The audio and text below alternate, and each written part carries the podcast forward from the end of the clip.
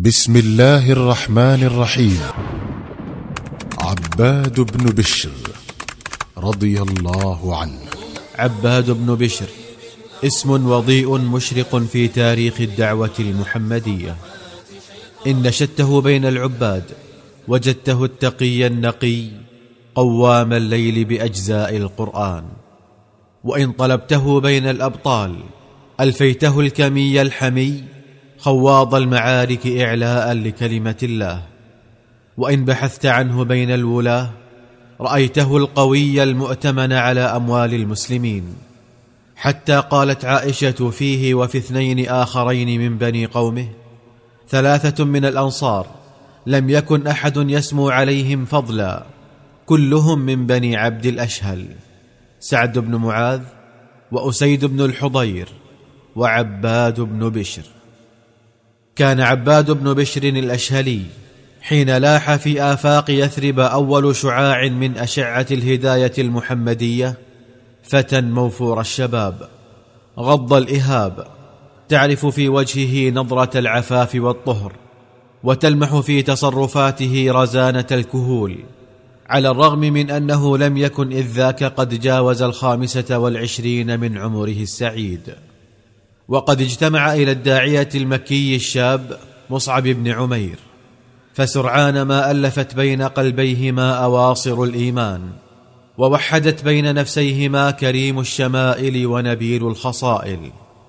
وقد استمع إلى مصعب وهو يرتل القرآن بصوته الفضي الدافئ ونبرته الشجية الآسرة فشغف بكلام الله حبا.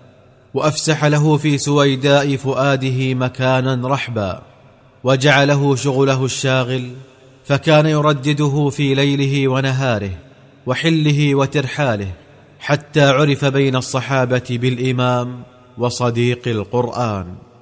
وقد كان الرسول صلوات الله وسلامه عليه يتهجد ذات ليلة في بيت عائشة الملاصق للمسجد. فسمع صوت عباد بن بشر وهو يقرأ القرآن رطبا نديا كما نزل به جبريل على قلبه فقال يا عائشة هذا صوت عباد بن بشر؟ قالت نعم يا رسول الله. قال اللهم اغفر له. شهد عباد بن بشر مع الرسول صلوات الله وسلامه عليه مشاهده كلها. وكان له في كل منها موقف يليق بحامل القرآن. من ذلك أن الرسول صلوات الله وسلامه عليه لما قفل عائدا من غزوة ذات الرقاع نزل بالمسلمين في شعب من الشعاب ليقضوا ليلتهم فيه. وكان أحد المسلمين قد سبى في أثناء الغزوة امرأة من نساء المشركين في غيبة من زوجها.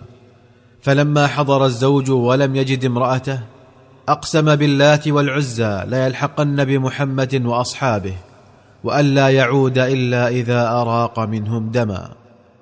ما كاد المسلمون ينيخون رواحلهم في الشعب حتى قال لهم الرسول صلوات الله وسلامه عليه من يحرسنا في ليلتنا هذه؟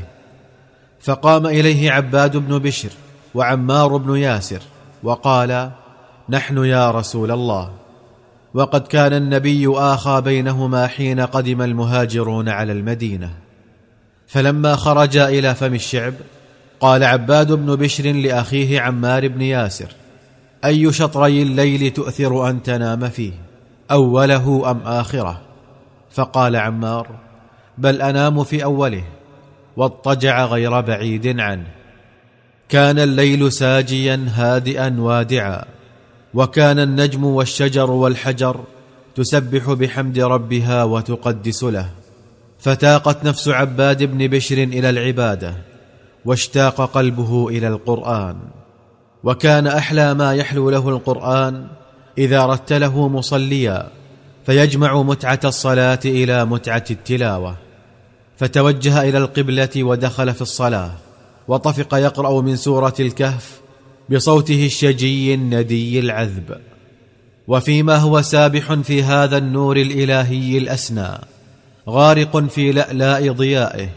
أقبل الرجل يحث الخطى فلما رأى عبادا من بعيد منتصبا على فم الشعب عرف أن النبي وصحبه بداخله وأنه حارس القوم. فوتر قوسه وتناول سهما من كنانته ورماه به فوضعه فيه. فانتزعه عباد من جسده ومضى متدفقا في تلاوته غارقا في صلاته. فرماه الرجل بآخر فوضعه فيه فانتزعه كما انتزع سابقه. فرماه بثالث فانتزعه كما انتزع سابقيه. وزحف حتى غدا قريبا من صاحبه وأيقظه قائلا انهض فقد أثخنتني الجراح. فلما رآهما الرجل ولى هاربا وحانت التفاتة من عمار إلى عباد فراى الدماء تنزف غزيرة من جراحه الثلاثة فقال له يا سبحان الله هل لا أيقظتني عند أول سهم رماك به؟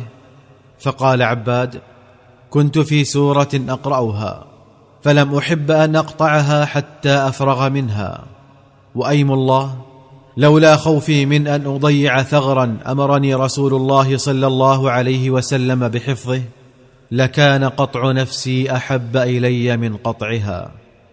ولما نشبت حروب الردة على عهد أبي بكر رضي الله عنه جهز الصديق جيشا كثيفا للقضاء على فتنة مسيلمة الكذاب وإخضاع المرتدين الذين ظاهروه وإعادتهم إلى حظيرة الإسلام.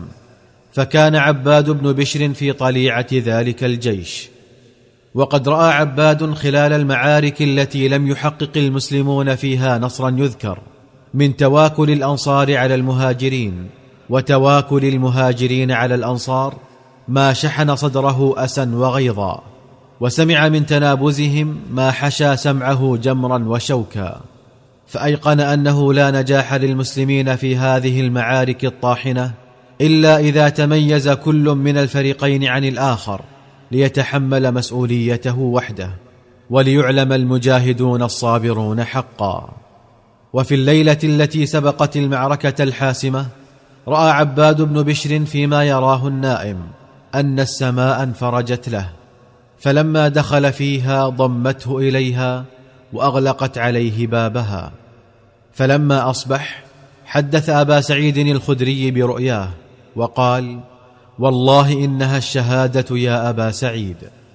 فلما طلع النهار واستؤنف القتال على عباد بن بشر نشزا من الأرض وجعل يصيح. يا معشر الأنصار تميزوا من الناس واحطموا جفون السيوف ولا تتركوا الإسلام يؤتى من قبلكم. وما زال يردد ذلك النداء حتى اجتمع عليه نحو أربعمائة منهم على رأسهم ثابت بن قيس والبراء بن مالك وأبو دجانة صاحب سيف رسول الله ومضى عباد بن بشر بمن معه يشق الصفوف بسيفه ويلقى الحتوف بصدره حتى كسرت شوكة مسيلمة الكذاب ومن معه وألجئوا إلى حديقة الموت. وهناك عند أسوار الحديقة سقط عباد بن بشر شهيدا مضرجا بدمائه. وفيه ما فيه من ضربات السيوف وطعنات الرماح ووقع السهام. حتى إنهم لم يعرفوه إلا بعلامة كانت في جسده. ثلاثة من الأنصار لم يكن أحد يسمو عليهم فضلا سعد بن معاذ وأسيد بن الحضير وعباد بن بشر. عائشة أم المؤمنين.